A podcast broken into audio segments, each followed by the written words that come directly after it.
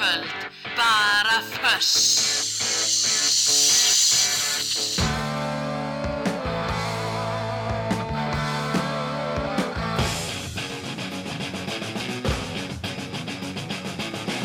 Þetta er föss.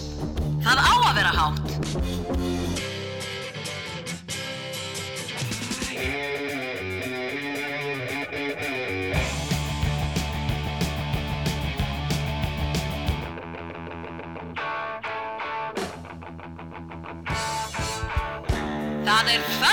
Fössball í kvöld.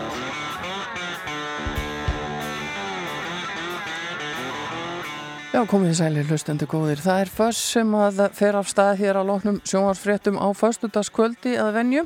Það sem er óvinnilegt í þáttin í kvöldir að Óláfi Pál Gunnarsson, okkar eini sanni, hann er ekki við upptikinn en ég ætla að fá að setja hér inn í staðin og ég heiti Hulda Geistóttir.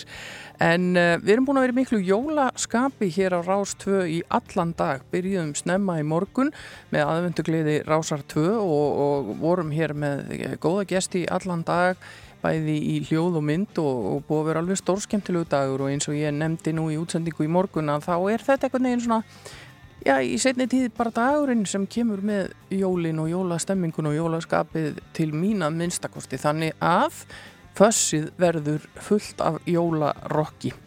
Og plata þáttarins er Jól í Rokklandi og ég ætla að nota tækifæri þó að Óli Palli get ekki verið með okkur hér í kvöld þá mun hans andi svífa yfir vötnum í gegnum þetta. Og uh, við spilum uh, lög af uh, þessum plötum, þetta eru tvær plötur sem hafa komið út með svona jóla samansapni Ólapalla og síðan ætla ég að spila allskynns rock tónlist sem að tengist jólum. Kannski ekki algjörlega fullur þáttur af jólarokki gæti verið að við lögum inn á milli svona einu og einu uh, já, rocklagi sem kannski er ekki beinlinis stimplað sem jólalag. En svo opna ég örgla fyrir síman á eftir líka og ef að þið eigið einhver jólarocklög sem ykkur langar að heyra þá reynum við nú að finna út úr því. En ég ætla að byrja á manni sem að hefur nú rokkað fyrir okkur Íslendinga og já, hann hefur bæði sungið ljúft og rólegt og poppað og rokkað og allt þar á milli.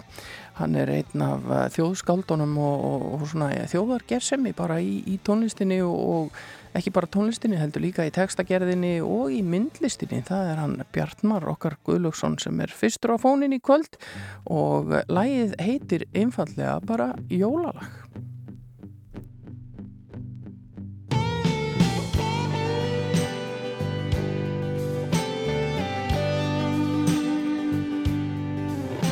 Á þessum er nóttin, leggst yfir daginn með drunga og byrtu í bland.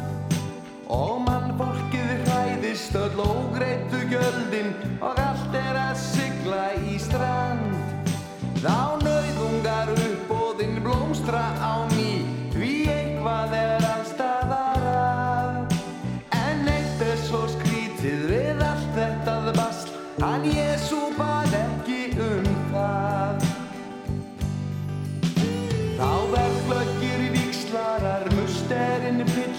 að fá nýtu glingri og drasli og mennirnir lenda á Eurocard bömmer og nýjárið byrjar með basli.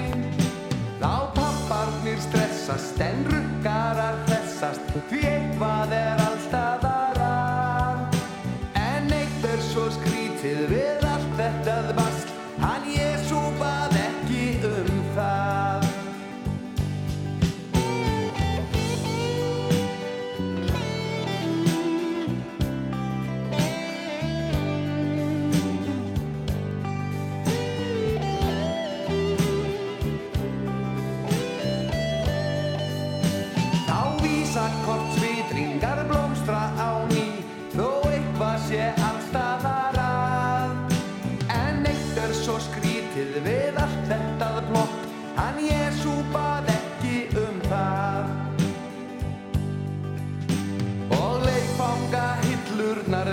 fyllast af morðóðum Geimverum gerðum úr plasti.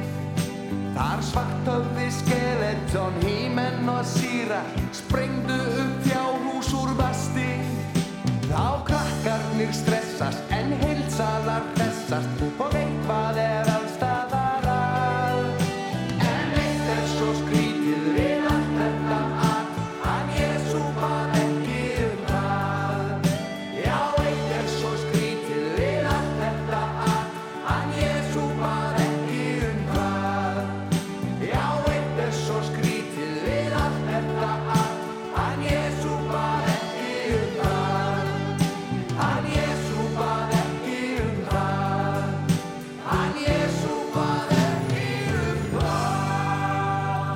til að hugsa um hann. Jésu bað ekki um það, syngur Bjartmann Guðlússon hér í jólalæginu sínu og þetta er ágetið svona eh, innlegg inn í þessa umröðu sem að var meðal annars hér á aðvöndugliðin okkar í dag um, já, bara alla þessa neyslu sem fylgir orði í jólunum og hvernig mætti kannski draga svo litið úr þessu. Við þurfum ekki svona mikið af öllu og, og uh, þetta er ekki gott fyrir umhverfið og, og kannski bara ekki gott fyrir okkur sjálf heldur. Þetta er eitthvað til að hugsa um. ACDC. Hvernig stafar það? Þöss.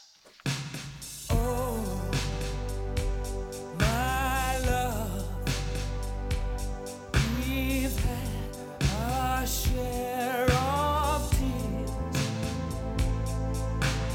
Oh,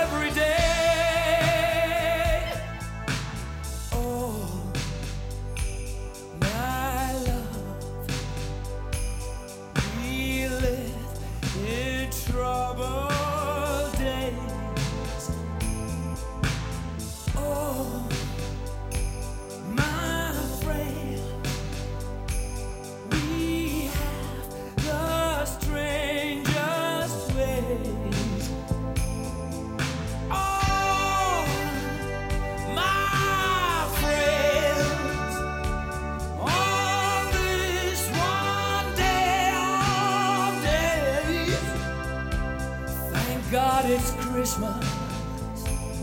Yes, it's Christmas.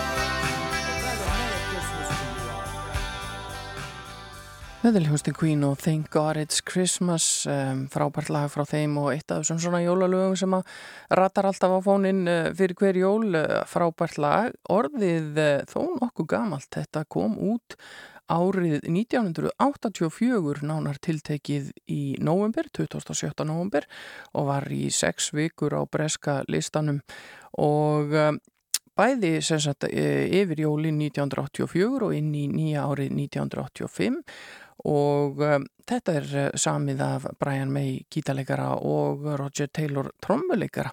En ég veit að hann allir þór vinnur okkar og Queen sérfræðingur myndi vita miklu meir um þetta en ég.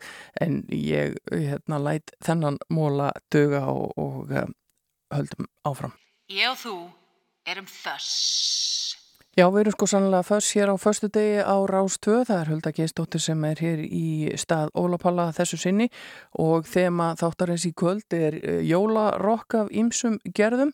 Ég ætla að spila svona meir og minna tónlist sem að tengist jólunum og uh, hér næst allir að fara í svolítið skemmtilegt aðriði. Ég ætla að spila fyrir ykkur núna uh, eitt af jólalöfum Bakalúts. Þeir eru þetta þekkti fyrir það að gefa út uh, bæði frum samin jólalög svona í setni tíð en svo voru þeir líka svo litið í að taka lög eftir aðra, til dæmis erlend lög og setja íslenska texta við og svona þeirra einn útsetningu. Og um, þetta uh, lag er eitt af aðvendulögunum þeirra, ég held þetta sé þriðja svona lagi sem þeir uh, gáfu út í tilöfni jólana og hér er búið að skella á þessum fína texta um leppalúða og þegar við erum búin að heyra í bakkalút og þeirra leppalúða lagi þá ætlum ég að taka hérna létta leppalúða þrennu og leif ykkur að heyra lag um leppalúða í þremur mismunandi útgáðum eða minnstakosti brot af þeim öllum en um, þetta hins vegar Þetta er nú kannski ekki grjóthart rock en hvað er rock? Það er svo margt sem fellur undir það og uh, við skulum heyra útgáðu bakalút sérna það sem sungið er um leppalúða. Thank you.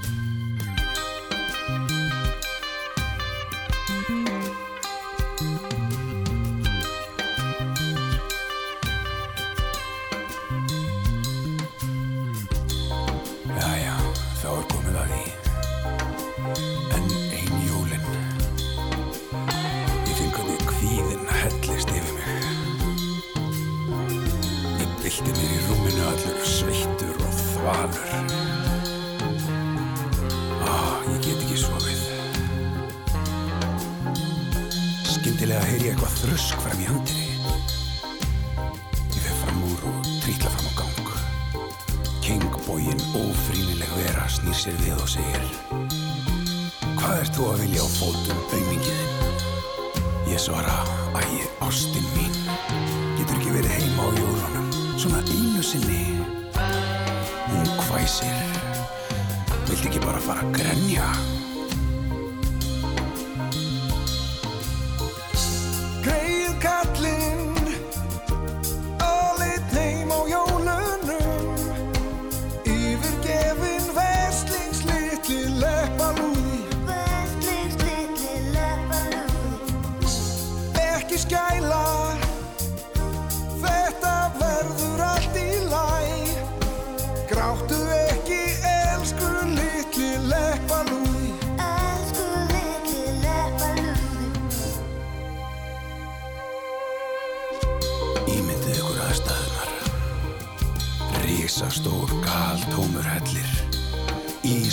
Dragsúgur og ekkert við að vera nema eigra um leggja kapal og góna inn í hljóstugan ískápin En svona er þetta hverju ári. Ég set Jösse Björling á fónin Ó helga natt. Sest í sturtubotnin Skrúa frá og græt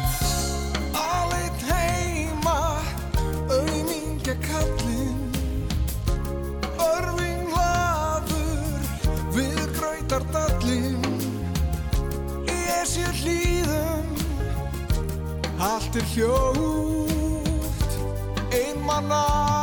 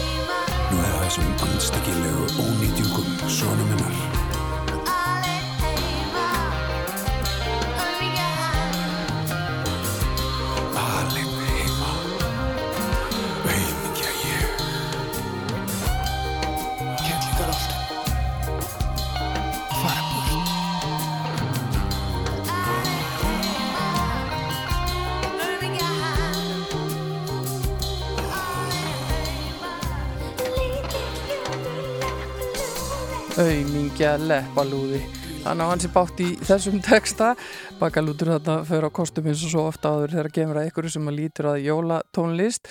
Svolítið skemmtilegu texti þarna uh, sem að þeir settur þarna ofan á lag.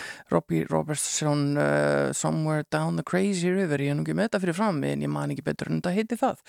En allavega skemmtilega útgafa En nú ætlum ég hins vegar að- vinda mér uh, með ykkur í smá leppalúða þrennu. Við vorum að hitta upp þarna með bakalút og nú ætlum við að heyra lag sem að kom út á plötunni með eldi í hjarta sem að uh, supergrúpan Brunaliði gaf út á sínum tíma og, og uh, það er held ég bara Latti sjálfur sem á þetta lag ef ég mann rétt en við ætlum að heyra hérna fyrst allavega svona að mista kosti brot úr uh, þessu leppalúðalagi frá því að það kom út með Brunaliðinu og svo ætlum við að skoða tvær aðrar útgáfur að þessu en byrjum á því að fara aftur í tíman með brunaliðinu og heyrum um leppalúða.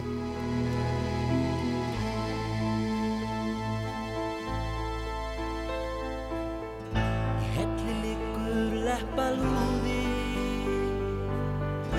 Ljótari en orðfá líst Því að þessu hann ei trúði.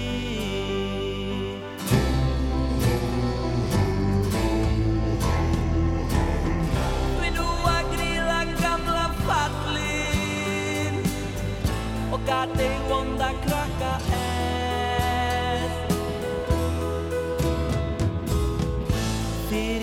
fyrir leppalúða kalli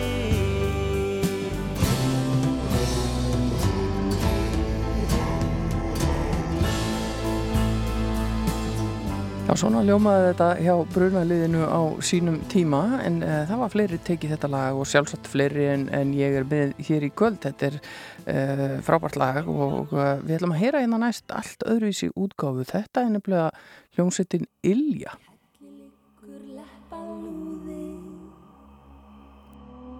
Ljótari en orðfáli Því að þessu hann ei trúði. Í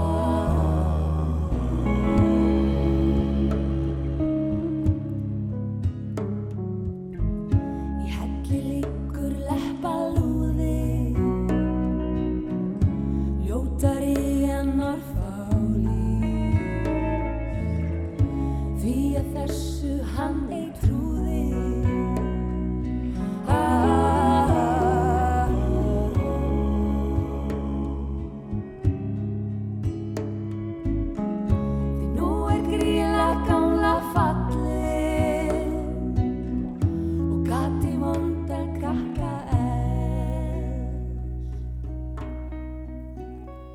Svolítið annar stíl á þessu hjá Ilju en, en samt flott og það er þessi undirliggjandi leppalúða drungi í þessu.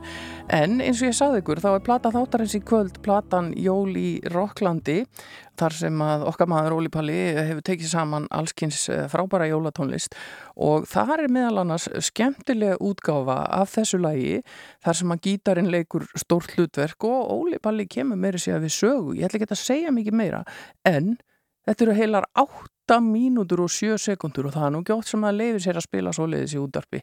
Ekki svona allavega lögin við vinnuna en eigum ekki bara vaði í þetta og spila hérna 8 mínútur af leppalúða. Heyri ykkur eftir.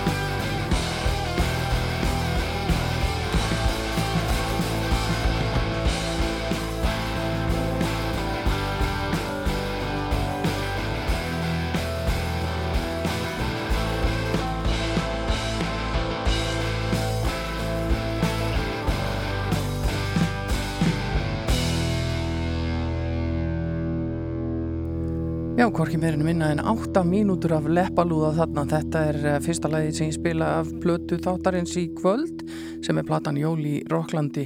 Kunnuleg rödd þarna sem söng og uh, ef ég mann rétt að þá er það Edvard Lárusson sem að já, hamast á gítarnum þarna, þetta er alveg meiri áttar flott og, og þetta heyrist nú ekki oft í útarpi og gaman að lefa sér að, að rúla þessu hér í gegn. Nú ef að maður skoðar, ég var hann að tala um það hérna áðan að það væri ábyggla til fullt af fleiri leppalúðalögum og ég þarf svo sem ekki að leita lengi hér í, í kistum uh, ríkisútasins til að sjá það. Hér er uh, lög, uh, ja, Ómar Ragnarsson hefur sungið um leppalúða, Valgir Skaffjörð á hérna lag um skottu og leppalúða og það eru alls konar leppalúða söngvar úr, úr stundinu okkar og, og hinum á þessum uh, þáttum. Þannig að leppalúði verið störa vinsælt yrkis efni. Gríla og leppalúði hlusta á rástvö eins og þú Jújú, jú, og það er ekki nóg að við höfumst við að spila hér leppalúðalög hvert á fætur öðru, heldur verðum við náttúrulega að gera eitthvað fyrir grílu líka, við erum jafnrétti sinnu hér á rásinni og það er Bubi Mortens sem ætlar að syngja næsta lag og það er um hana grílu sem er hægt að borða börn.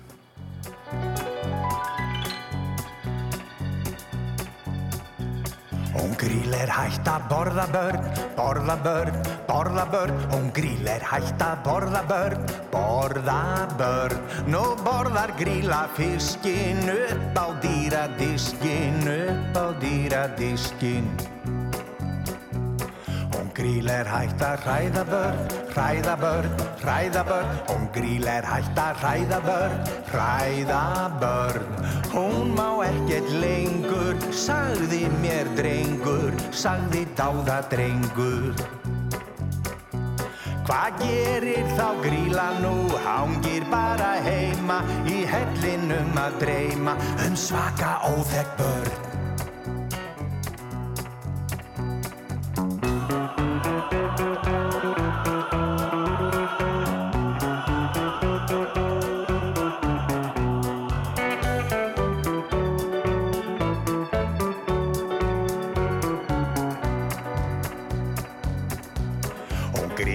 hægt að elda börn, elda börn, elda börn. Og gríl er hægt að elda börn, elda börn.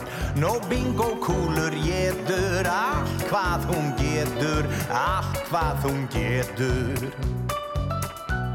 En þegar myrkrið fellur á þá fer hún gamla gríl á stjá. Tautar í barminn sinn, hvar er pókin minn?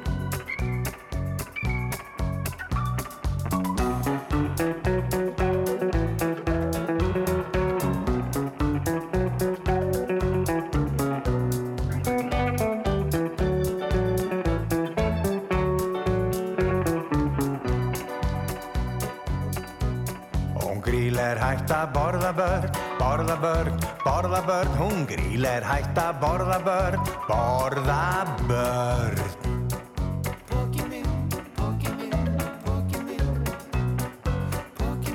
Hvar er pókin minn?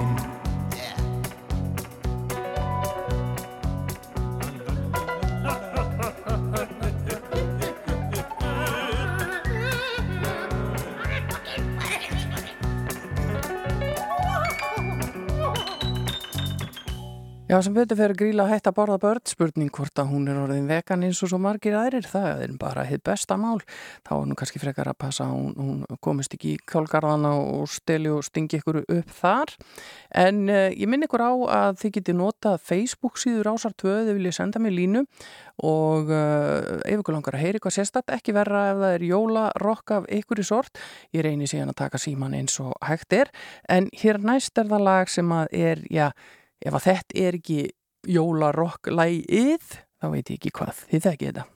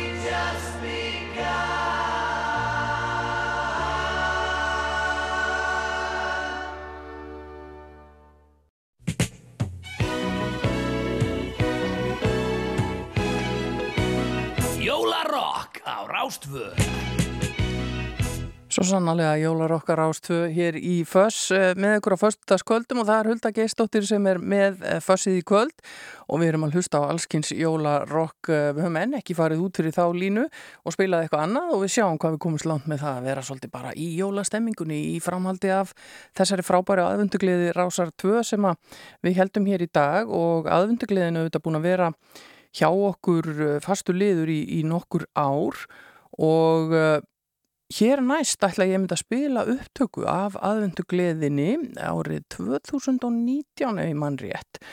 Og uh, jólalög geta verið alls konar og þetta lag sannar það, þetta er uh, roksveitin Blóðmör, hinn frábæra sveit sem að uh, flytur hér lagið fyrirgeðu að ég rótaði þig um jólin, það er nú ekki fallega gert. Á síðastliðnum jólum kom jólasveitin heim til mín. Með fullan póka fökkum og kumpalega svipinn sinn. En ég var dálítið hissa gert að einhver var að brótast inn svo ég stínrótaði jólasveinin mig inn. Ég barði hann með beins á killu og stakkaði bubbuna í. Ég hætti honum út með gluggan og setti hann í sjúkra frí. En það er eitt sem ég vil segja við þennan jólasvein Fyrir gæða ég rótaði þig um jólin. Já, fyrir gæða ég rótaði þig um jólin. Ég ætlaði ekki neitt að róta þig þessi jól. Nú ætla ég að taka betur á móti þér. Með ólgandi pítsu og ramar hjólastól Mikja jólasveitnin, hann fór allbróðugur heim Sjúkra bílinn sóttan. Og blóðið í skekkinu skein. Hann var ekki með neina meðvitund það sem eftir var að jólunum. Öll börnin sátu heima leið og byðu eftir böttunum Já, já, já, fyrir gæða ég rótaði þig um jólin. Ég voru að þú sem sáttur að manns jólastóli Já, fyrir gæða ég rótaði þig um jólin Ég ætlaði ekki neitt að róta þig þessi jól Ég ætlaði ekki neitt að róta þig þessi jól Ég ætlaði ekki neitt að róta þig þessi jól Ég ætlaði ekki neitt að róta þig þessi jól Kallið þetta músik, þetta jass. Föss.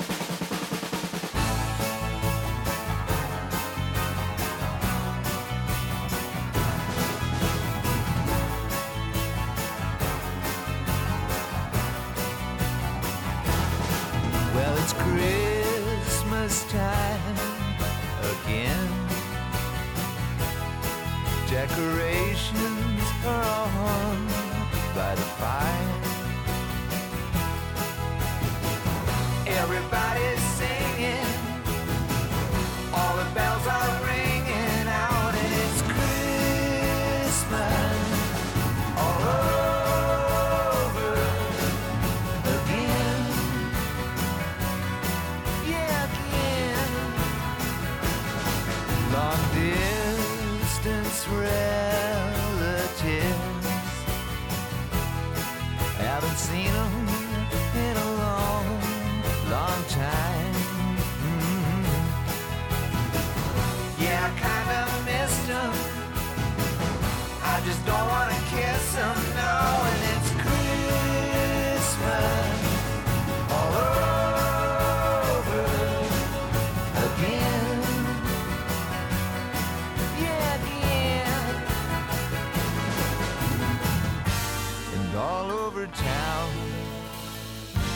kids come get down. And Christmas is a rocking time. Put your body next to mine. Underneath the mistletoe, we go. We go.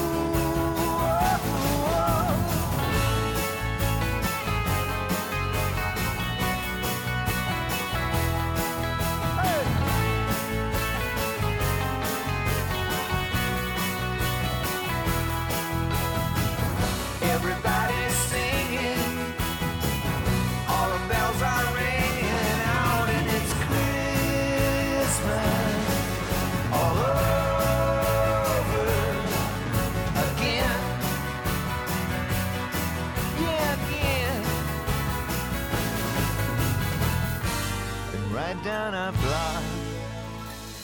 Little kids start to rock. Christmas is a rocking time.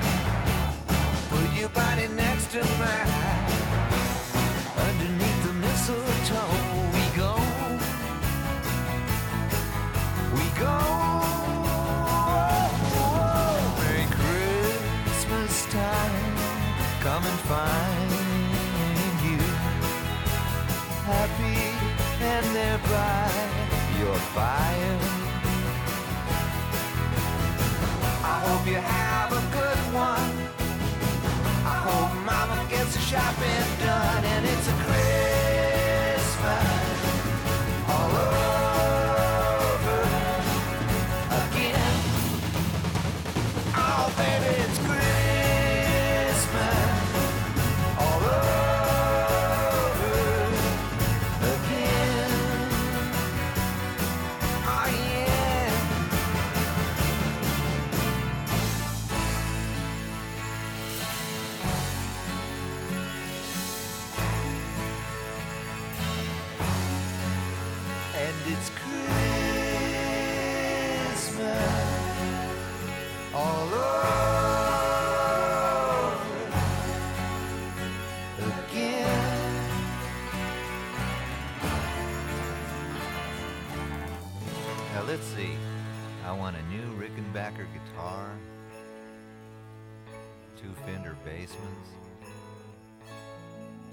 Chuck Berry songbook, xylophone. Já, þarna heyrðu óskalistan hjá Tom Petty fyrir jólina langaði nýjan Rickebacker gítar og, og Fender Magnara og Xylofón og, og uh, söngbókina hans Chuck Berry, hvorki meirinni minna. Þetta er eitt af þessum klassísku jólarock lögum Christmas All Over Again frá árinu 1992 ef ég man eftir. En uh, talandum Chuck Berry og söngbókina hans þá ætlum við að fara hérna næst í lag sem að uh, Chuck Berry uh, flutti á sínum tíma og margir þekkja kannski einna best í, í hans flutningi.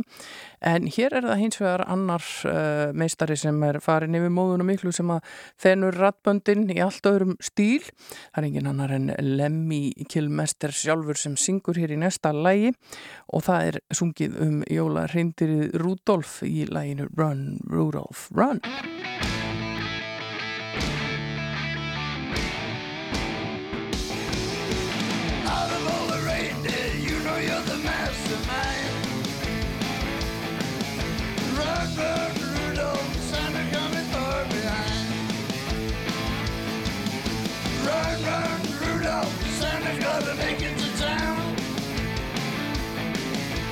Santa make him hurry, tell him he can take the freeway down. Run, run, Rudolph, I'm feeling like a merry-go-round. Said Santa to a boy child, what have you been longing for? All I want for Christmas is a rock and roll electric guitar. And then away you went, Rudolph, whizzing like a shooting star. Run, run, Rudolph, gotta make it to town. Santa make hurry, tell him can take the freeway down. Run, run, Rudolph, feeling like a merry-go-round.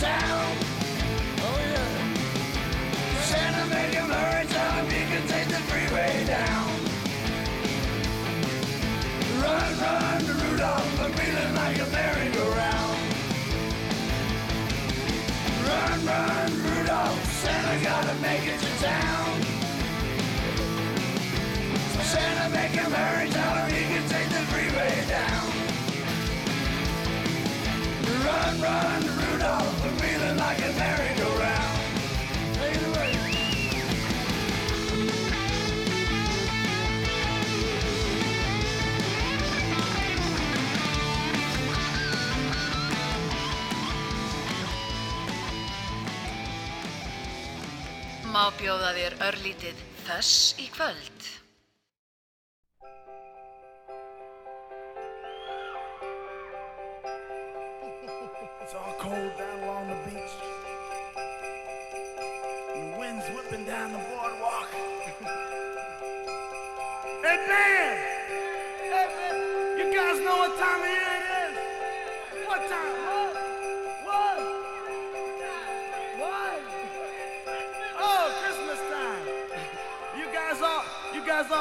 been practicing real hard. Yeah. Clients, you've been, you've been rehearsing real hard now. So Santa, bring your new saxophone, right? Everybody out there been good or what? Oh, that's not many, not many. You guys in trouble out here. and you better watch out. You better not cry. You better not pout. I'm telling you why. Say come in the town.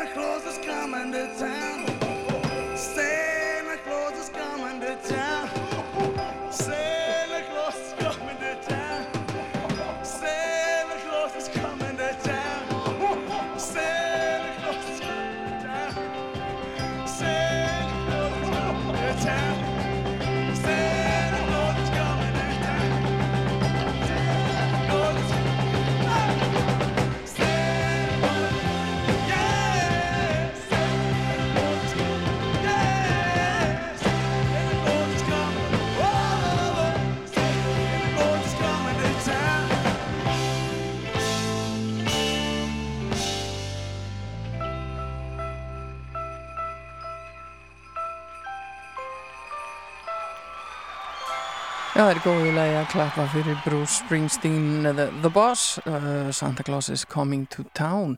Og næsta lag sem ég ætla að spila er líka eftir Bruce Springsteen en í nýri útgáfu ljónsýtarinnar Mosa Frænda.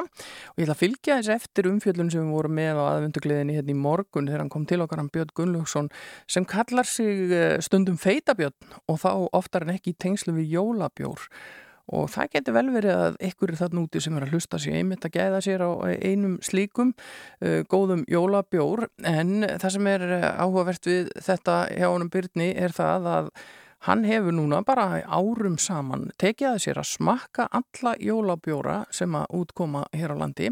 Og hann er meiri segja að því að þetta er svo svakalett magna þá held ég hann sé meiri segja hættur að smakka útlendubjórana, sem sagt útlenda jólabjóra, hann er bara í þessu innlenda og um, þeir eru í ár, hvorki meirinni minna en 70 talsins.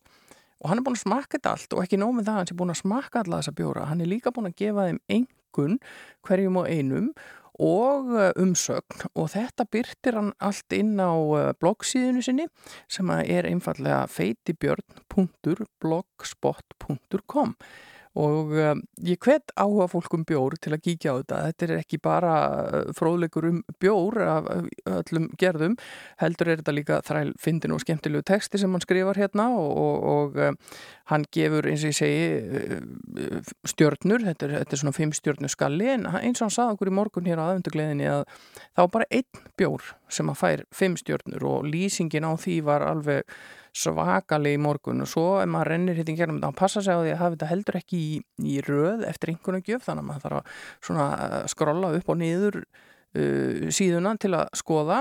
Það eru ansi margir hérna sem er að fá já, eina, tvær og þrjár en svo eru nokkri sem að fá fjóra og halva stjörnu og uh, Og það segir hann, saðan okkur í dag Björn að væri að bara frábært. Þó að það sé bara eitt sem fái fimm stjórnur og þá er það samt frábært að fá fjórar og halva og uh, svo er, uh, er, er þessi skemmtilega umsögn um bjórana.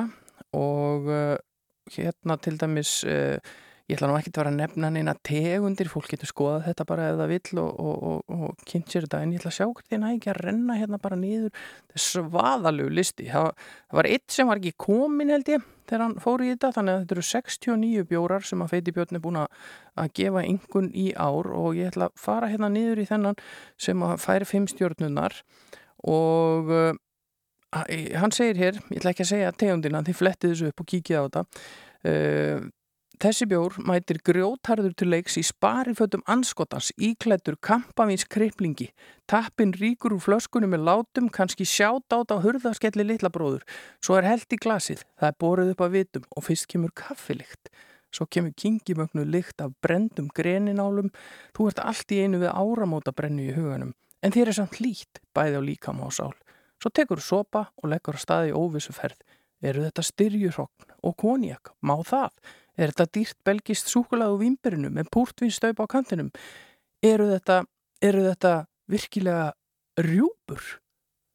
Þetta er bara brota af lýsingunni á þessum tiltekna jólabjór sem að Feiti Björn hefur valið þann besta í ár.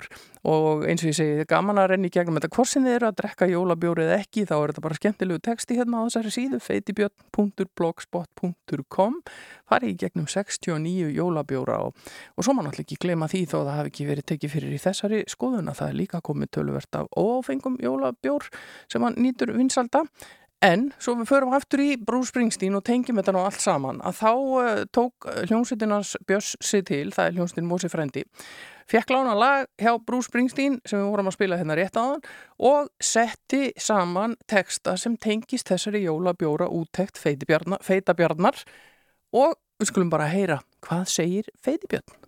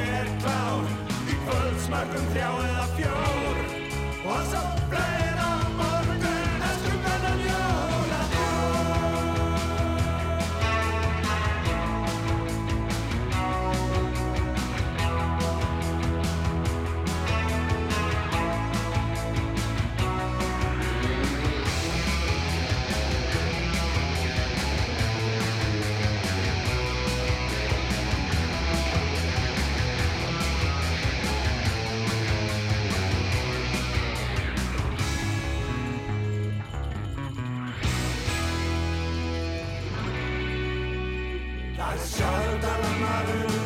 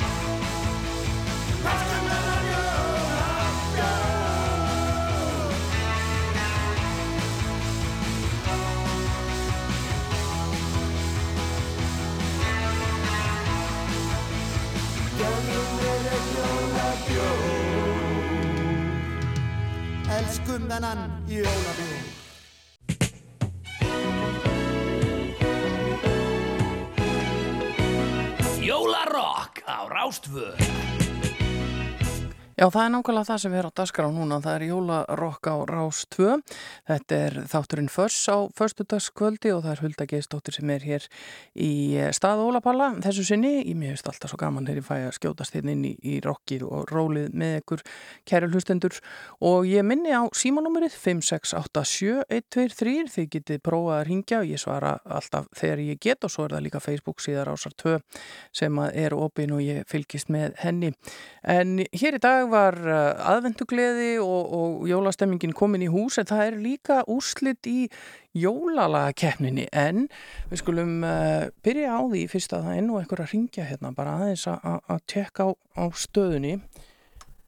Rást, uh, þá hættan við eða hún, hver sem það var. En þið vitið það, símin er 5687123 og alveg óhætt að prófa að ringja ég er til í að reyna að finna fyrir ykkur jólarokk lögin ykkar, uppáhaldslögin.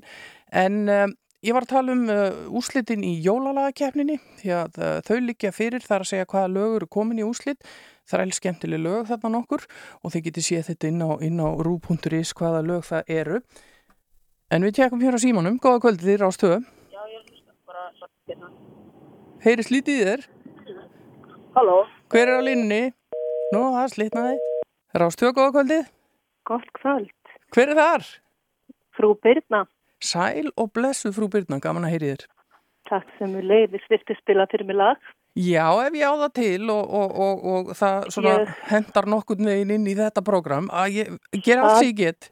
Er ekki verið en það syndana sem hefur heyrt. Viltu sinna glám og skrám á jólunum í Limgerði 33? Og það er svo geggjað limgir. Finnst þér það ekki? Jú, Ég er að baka smákökur já, í opni sem er undir eldavílinni. já, þannig að þú þarf að beigja þig svolítið. Þannig að ég þarf að beigja mig og sé ekkert hvað ég er að gera og þetta myndi gleðja mig vir, virkilega. Þetta myndir hressa þig við. Já, og svo er hérna Jólasveitna Þórsöp, Agnar Jónsson á hann á ammæli í dag. Já, allar að senda honum góða kveðið þetta? Já, hann er að hengja upp jólaserjur, hann á hverjur skildar. Já, greinlega. Ert þú á Þórsöp líka það? Nei, ég er á Akureyris. Þú ert á Akureyri. Hvernig er vetrar stemmingin á Akureyri núna? Ég var þarna um daginn og þá var nú komið upp ansi mikið að ljósum en var ekki mikil snjór þá. Er, er bærin orðin jólalegu núna? Nei, ekki svo. Ég fer lítið út það sem er kjálka, Já, en það er að týnast til á hverjum einasta degi, þá er eitthvað. já. Og, Og, það er og allt gott sem að hérna lýsir upp skamdegið. Það er nefnilega nákvæmlega þannig. Og það er líka gott að baka smákökur og fá svona goða líkt í húsið og, og, og skapa sér sína í jólastemmingu. Já, og það gerir það ekki verra að hlusta á skemmtileg með og góða hérna þóttastjörðundur. Ég ætla að reyna að finna glám og skrám fyrir því hérna og eftir takkjalega fyrir að ringja og, og bara smakist vel smákökunar. Takk og takk fyrir að svara. Alltaf gaman að heyri hlustundum. Takk fyrir þetta og við vindum okkur beint í næsta lag sem að er úr uh, jólalagkeppninni árið 2019 og uh, þá var greinilega rock og roll í mannskapnum því að hljómsveitin Drulla komst í úslit með þetta lag sem heitir Gleðileg jól.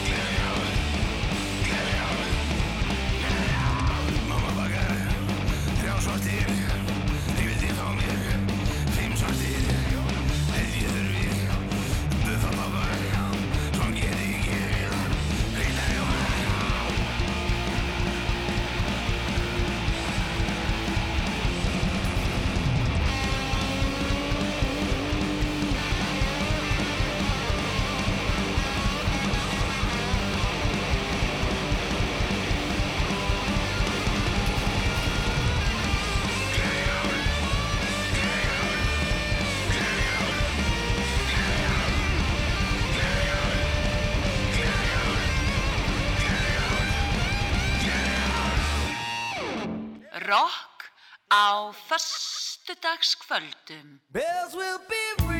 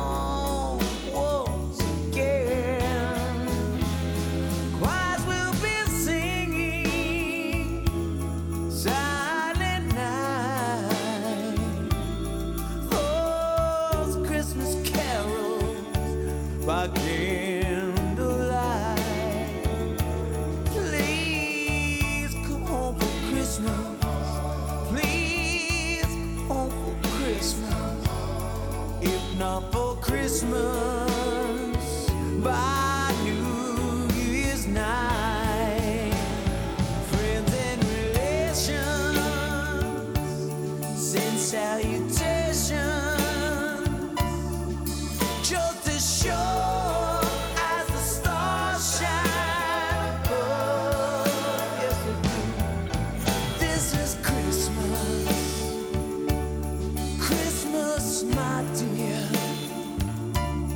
The time of year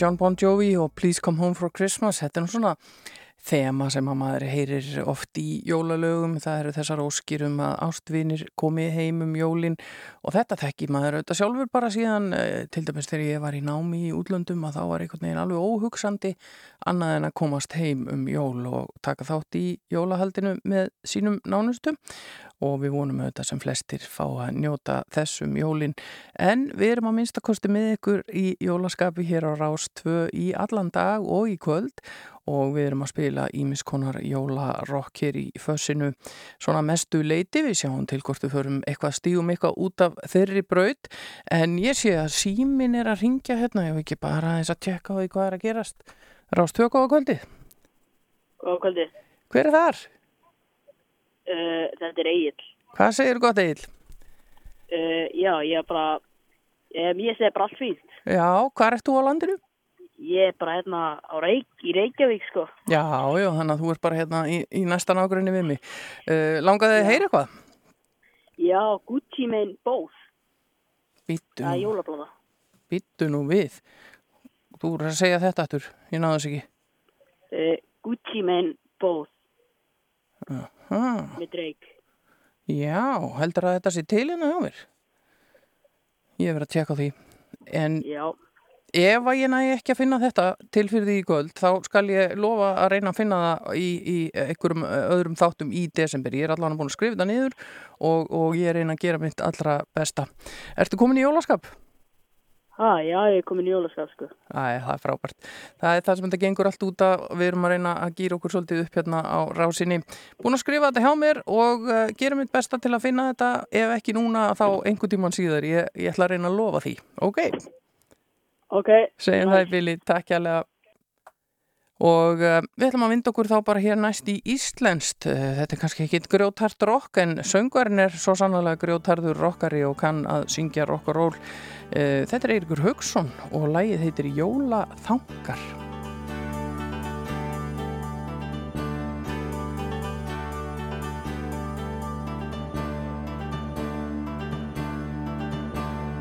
Þeir hétu mér hvítum jólum og heiðríkju allt umkring.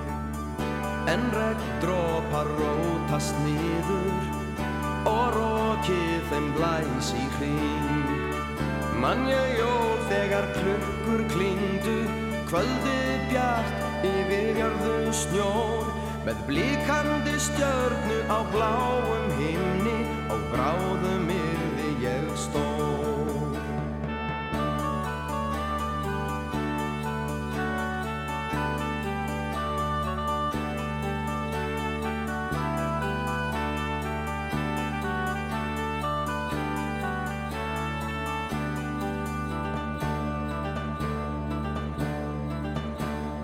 Ég trúði á jólasveina sem gáfu mér gjöf í skó.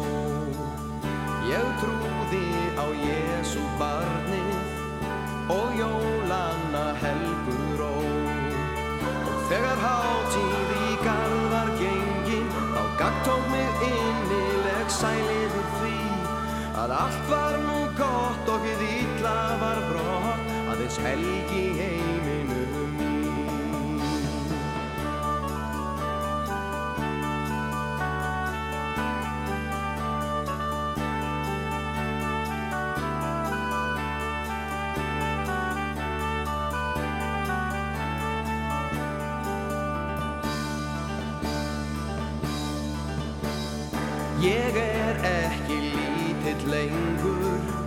og liðin mín bernskuð jól.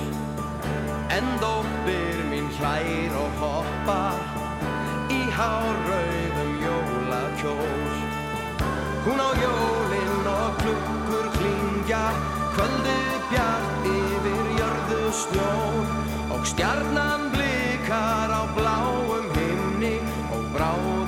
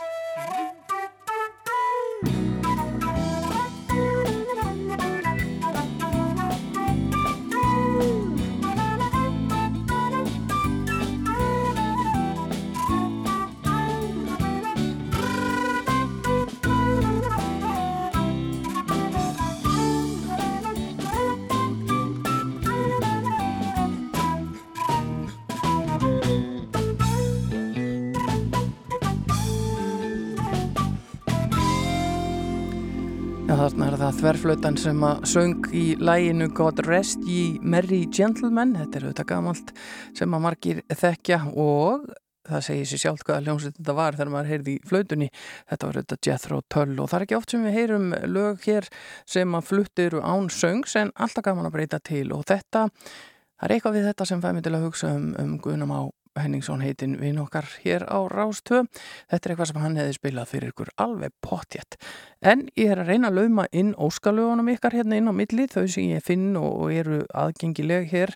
Og eh, glámur og skrámur og voru ekki langt undan þegar ég fór að leita þeim fyrir upplugan bakara á Akureyri sem að vildi gleðja sig yfir um, bakara ops bógrinu ef við getum orðað þannig. Og uh, þetta lag sem fjallar um, já þá glám og skráma rekja jólasveinin heitir Jólasirpa og innan svega Jóla hvað eigum við ekki að uh, fara í þetta bankadinnar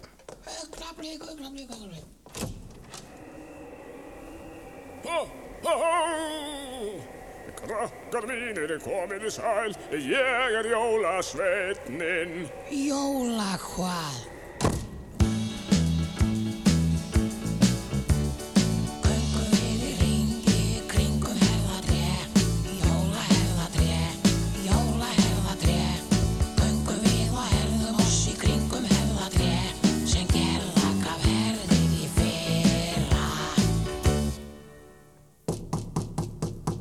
Krakkar mínir komið sæl, ég er jólasveitnin.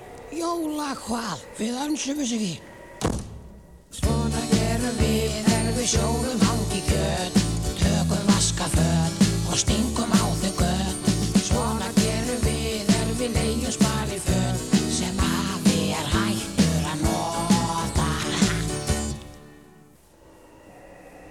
Krakkar mínir komið sæl, ég er jólasveitnin. Jóla hvað? Við önsum þess ekki. Nú skal segja, þér að þegja Þú skal þegja og ekkert segja Nú skal beigja og ykkur tegja og svo flegi ykkur allt í kring. Ég er jólasveitnin. Þetta fer nú að vera svolítið þreytandi. Út með þig. Yfir snjó og sand og gekk svo inn í hjónaband. Sagaði svo og smurði svo og hvað á ég að gera? Þú skal fá þér striga skó Inni skó og vakla skó Þú skal fá þér gummi skó og síðan fá þér kaskó. Krakkar mínir komið sæl, ég er jólasveitnin. Jóla hvað? Já, en ég var pantaður hingað. Á hverju verð ekki leift inn? Pantaður hinga hvað það?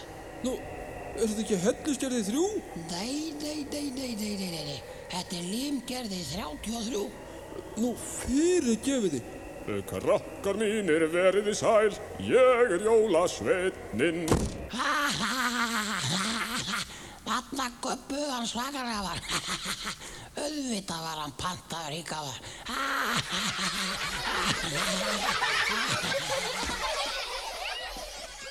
Í skóginum stóð kofi einn, satt við glugga. Já, svona fóru þeir glámur og skrámur með jólasveinin uh, í þessari skemmtilegu jólasirpu. Alltaf gafna að rifja þetta upp og ef ykkur ætlar að halda því fram að glámur og skrámur rock og roll þá er það bara miskilningi byggt. Þeir eru svona um það bil þeir sölustu í bransanum. En við ætlum að halda áfram hér í fössinu og næstur á fónin er Ringo Starr sem segir að jólinn séu komin aftur. Það er föss og það er spells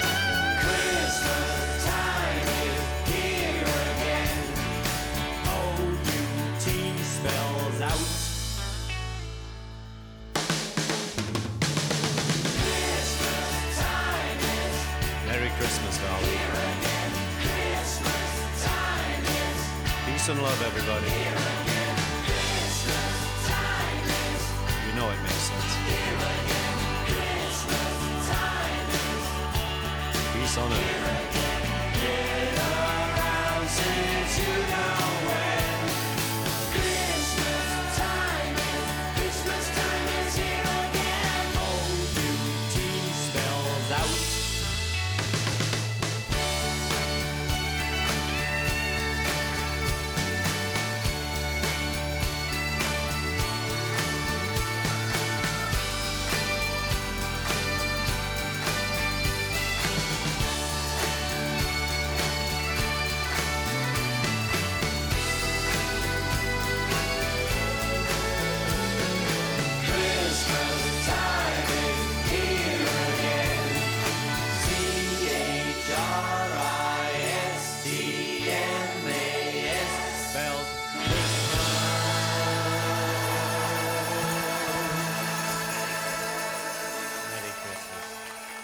Er hann búið að stafa fyrir okkur uh, Christmas Ringo Starr auðvitað með þetta lag Christmas time is here again Bílandi mörgum hugleiknir þessa dagana en það margir að horfa á þessa magnuðu ítalju heimildaþætti sem að sína þar ímislegt efni sem ekki hefur sést áður virkilega skemmtilegt og, og forvinnilegt.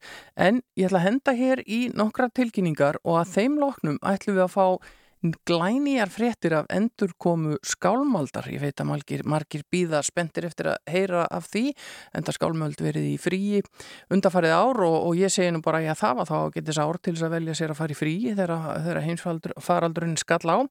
En við ringjum í þráin átna að Baldvinsson gítalegara skálmaldar hér eftir augna blík svo farið nú ekki langt á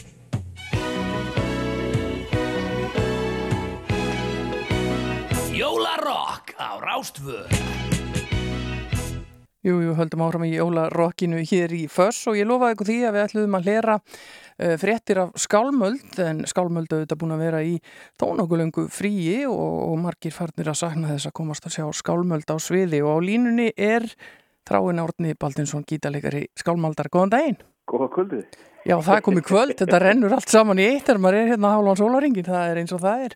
Uh, Varst ekki í morgunvættinu og svo í allan dagana í beinni eða? Já, ég var nú ekki í morgun útarfunni í morgun, en, en ég var fyrir háti frá, frá nýju, þannig að þetta er nú ekki svo slæmt, þetta, þetta sleppur Æ, allt til.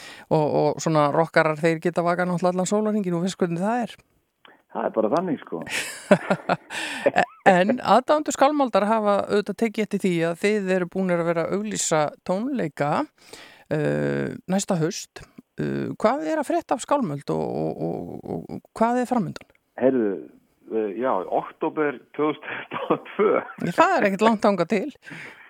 Heyrðu, þá ætlum við að spila hérna, tónleika hérna á Íslandi. Já. Um, þá verður, já, þá verður náttúrulega tæplega þrjú ár síðan við spiluðum í, í, í hérna gamla bíói. Mm Að hérna, var ekki gamla bíói annars? Jú, jú, hérna. jú, jú.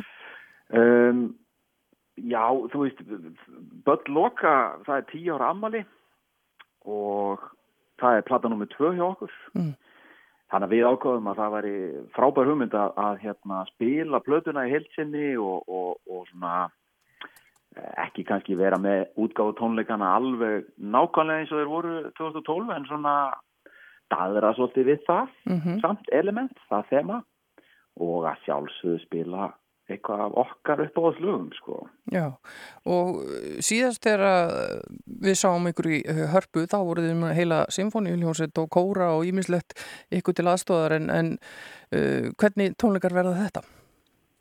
Þetta, verða, þetta er ekki sinfótónikar sko Nei, en, en við verðum með eitthvað smá glens sko, það verður eitthvað aðeins óvænt sko Já. ekki spurning en hérna, fyrst og fremst er þetta bara að nýta tækifærið, mér að tíu ár síðan sem plata kom út sem er algjörstu rugg sko, því mér veist hún vera nýkomin út mm og þetta er líka búið að vera pínu svona skrítið því við náttúrulega vorum búnir að ákveða pásu árið 2020 sko. já, er, eru ykkur þarna í bandinu sem sjá fram í tíman eða ykkur svona, hvernig kom þetta til bara að þið hittu þarna okkur að á? Þetta er náttúrulega þetta er svo mikil hefni sko því líkur bara, þetta er bara rugg sko taka ákvörðun að vera í pásu þetta ár við ætlum samt að vera svo duglegir að fara út með fjölskyldunur okkar sko en það er þetta gekk nú ekki upp það ári sko Nei, nei, en þeim mun meira bara heimakósi með, með sínu fólki. algjörlega og bara, þú veist, það var, það var bara planið að taka það ári í, í hérna pásu og svo ætlum við að hittast ári eftir, eftir giggið Mm. 2019 og fá okkur kaffi og pæla hans í hvort við tækjum gigg fljótlega eftir áramótin eða, eða taka annað ár sko en Mm.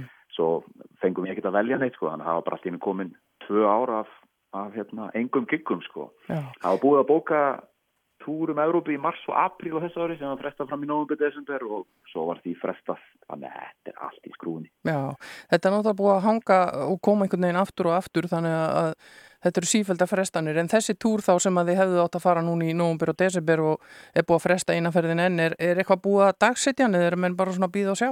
Já, nei, það er búið að fresta honum bara um ár. Ég held að hérna, dagsetningarnir eru komnar á, á hérna á Facebook síðan okkar þá, þá getur fólk séð dagsetningarnar og þetta er rauninni er svona Þetta við séum ekki að fara á túrin bara fljótlega eftir þetta sko, gegg í, í hörpu sko, Já. 28. oktober og svo bara lóðbeint af stað sko. Já, þið farið þarna í frí eftir þessa uh, tónleika í Gamla Bíó og uh, hvað, ég meina, eru þið búin að vera í frí allan hennan tíma eða er skálmöld farin að æfa, hver er staðan á ykkur?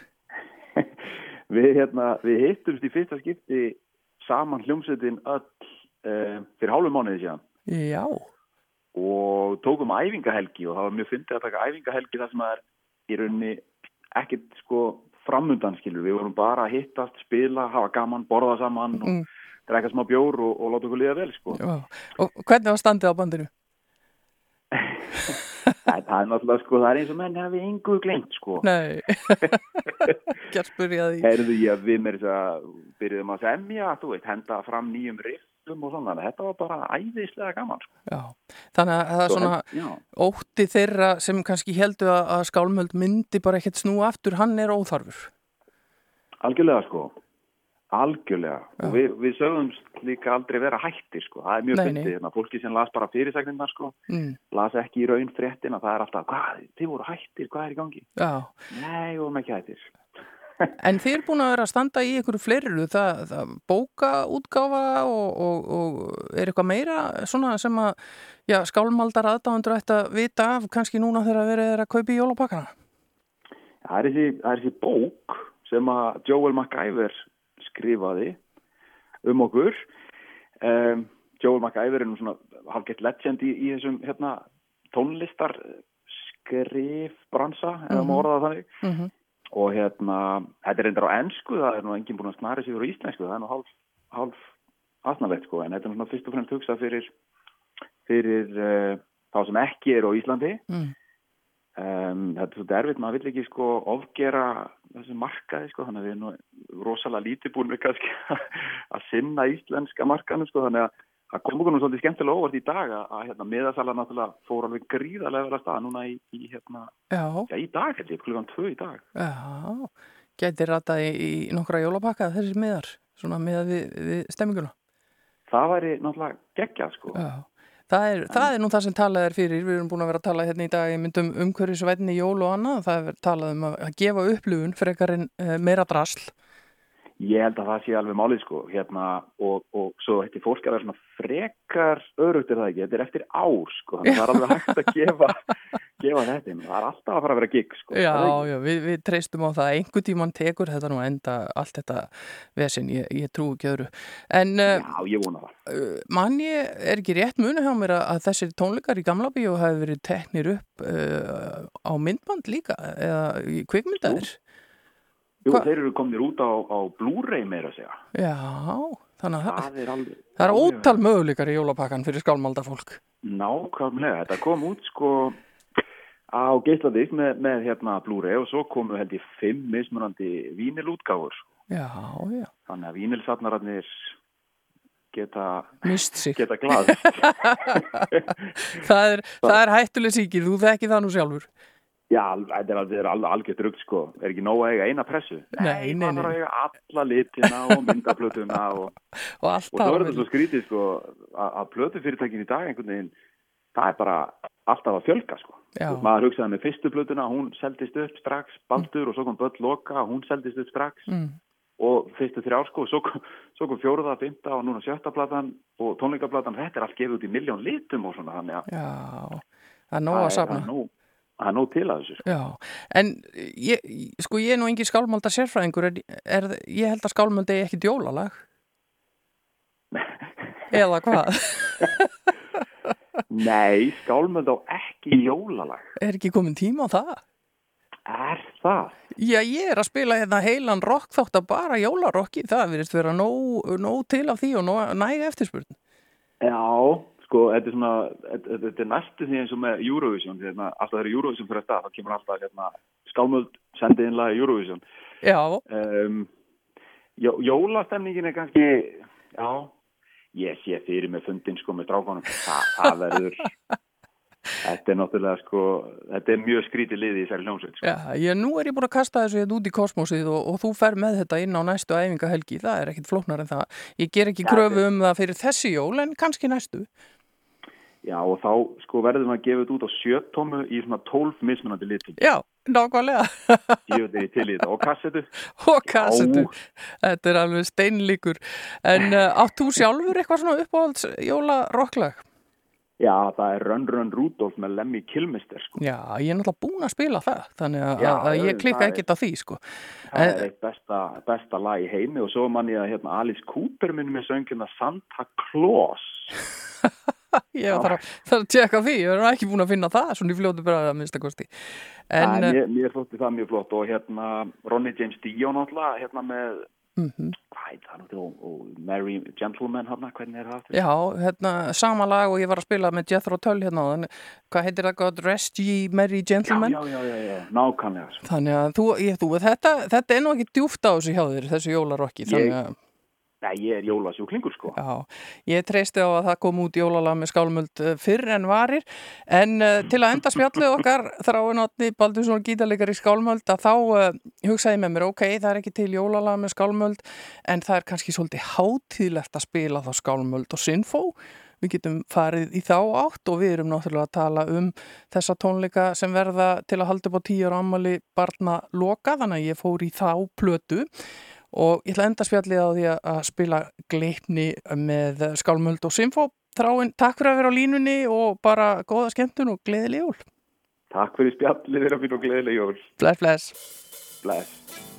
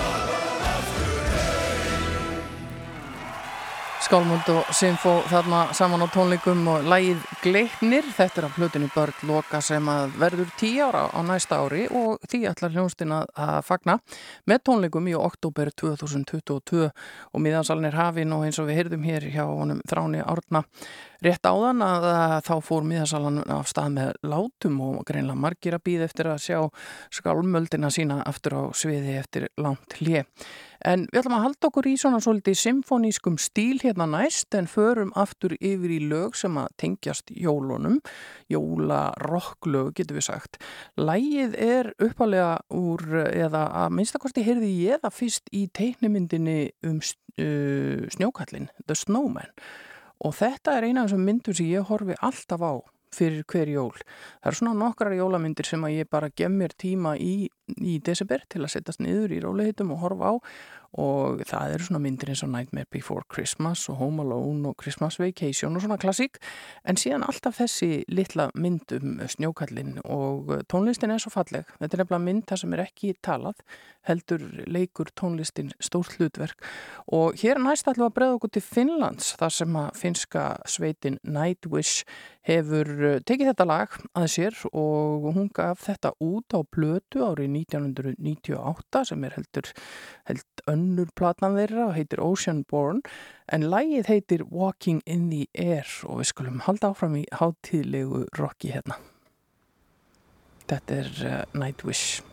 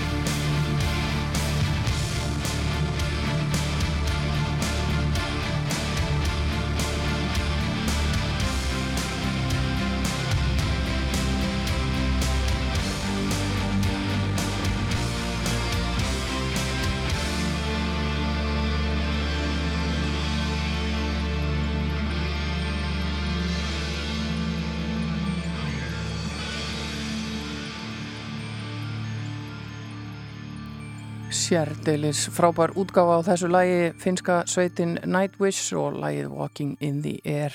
Hvet ykkur endilega til þess að kíkja á þessa ofsalega fallegu teiknumynd um, um snjókallin The Snowman eh, svona til að koma ykkur í, í jólastemmingunni. Gætu þurft að vera með kannski smá vasaglút en það er líka alltaf lagi. Rockarar með alveg vera mjúki líka. Það er fössball í kvöld.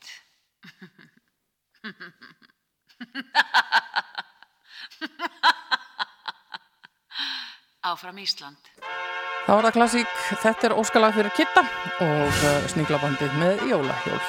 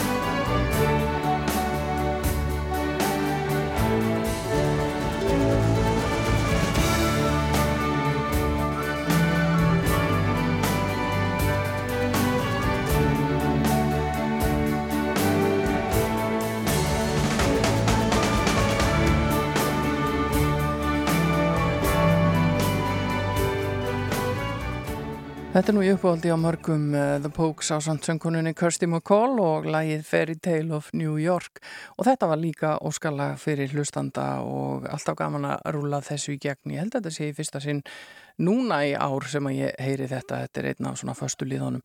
Næsta lag er hins vegar Íslenskt og þetta heyrist ekki oft en við ætlum hér að heyra í Orra Harðarsinni og lægið sem hann á sem heitir einfallega Jólalag. Hver sorglegur tíma að segja bless Svona rétt fyrir jólinn Og gleðilegt ár fyrir þig Fyrir þig og mér Við munum aldrei framar Kissa og knúsa Ég heyra kortan að anda. Og úti í hjörðinu nació yo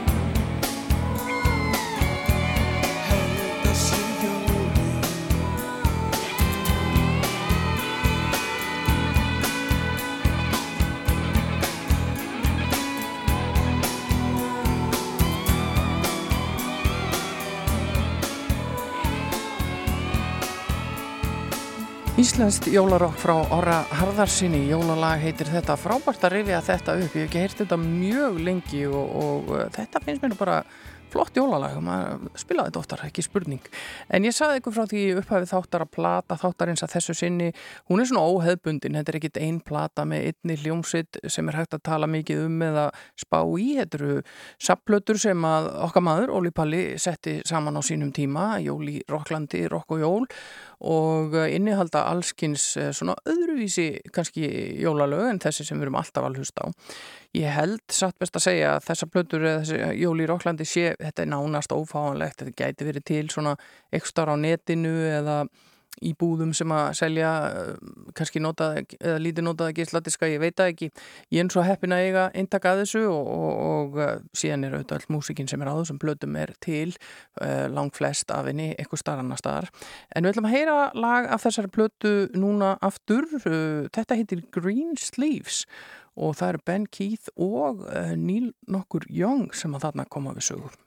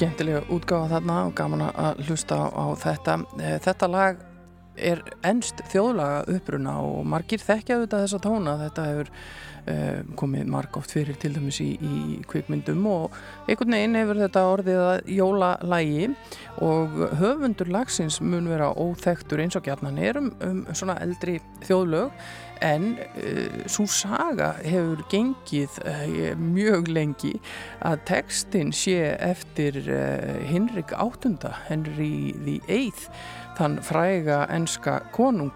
Hann var, já, kannski þekktastur fyrir það í sögunni að hafa átt margar konur og ekki lifiðu þær allar af þau hjónabönd. Og ég mann þegar ég var að læra sagfræði í bandaríkanum sínum tíma þá lærðum við svona litla þölu sem var til þess að auðvelda okkur að muna hvað hefði orðið um allar konunnar hans uh, Hinriks áttunda og hún var svona upp á ennsku divorced, beheaded, survived divorced, beheaded, died svona fór fyrir þeim Föstudagskvöld er gott kvöld. Jújú, jú, vissulega er það gott kvöld ekki síst hér hjá okkur á Rástöðu. Ég held ég að við snúðu þessu við allir í þaulun áðan. Divorced, beheaded, died, divorced, beheaded, survived. Ekkert neginn svona var þessi, þessi húkur um uh, Hinrik áttunda. En næst er það George Thorogood og uh, hér er farið í Rock'n'Roll Christmas. Hey man, what are you doing? Hey man, how you doing,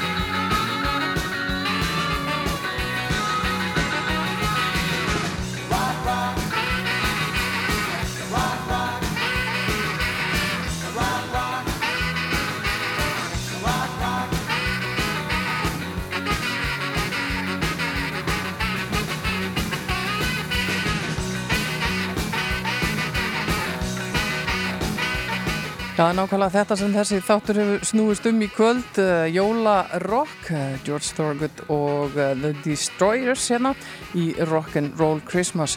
Nú, ég var búinn að spila baggalút hér í upphafi þáttar en það er ekkert hægt að fara í gennum Jóla Rock þátt án þess að spila eitt af uh, Jóla Rock lögunum uh, þeirra en alltaf fá að hljómsveitir sem hafa uh, gefið út kannski jafnmörg jólalög og bakalútur svona undanfarin ár. Það er allavega hefur verið eitt á ári núna nokkuð reglulega og, og rúmlega það.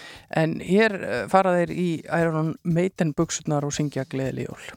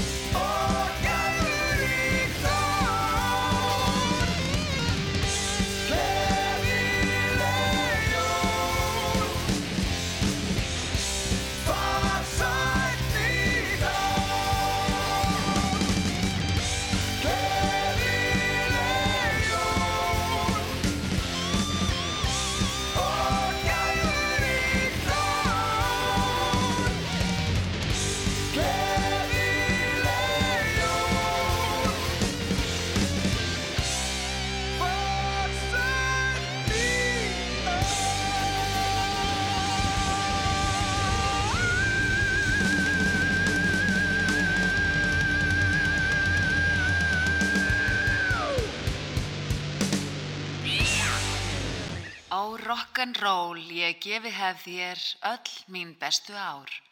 Föss og svei. Ljósin kvikna út um allt, sko.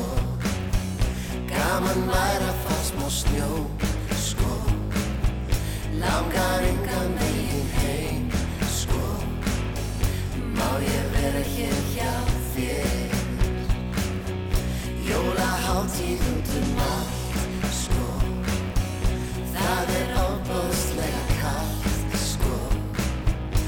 I'm cutting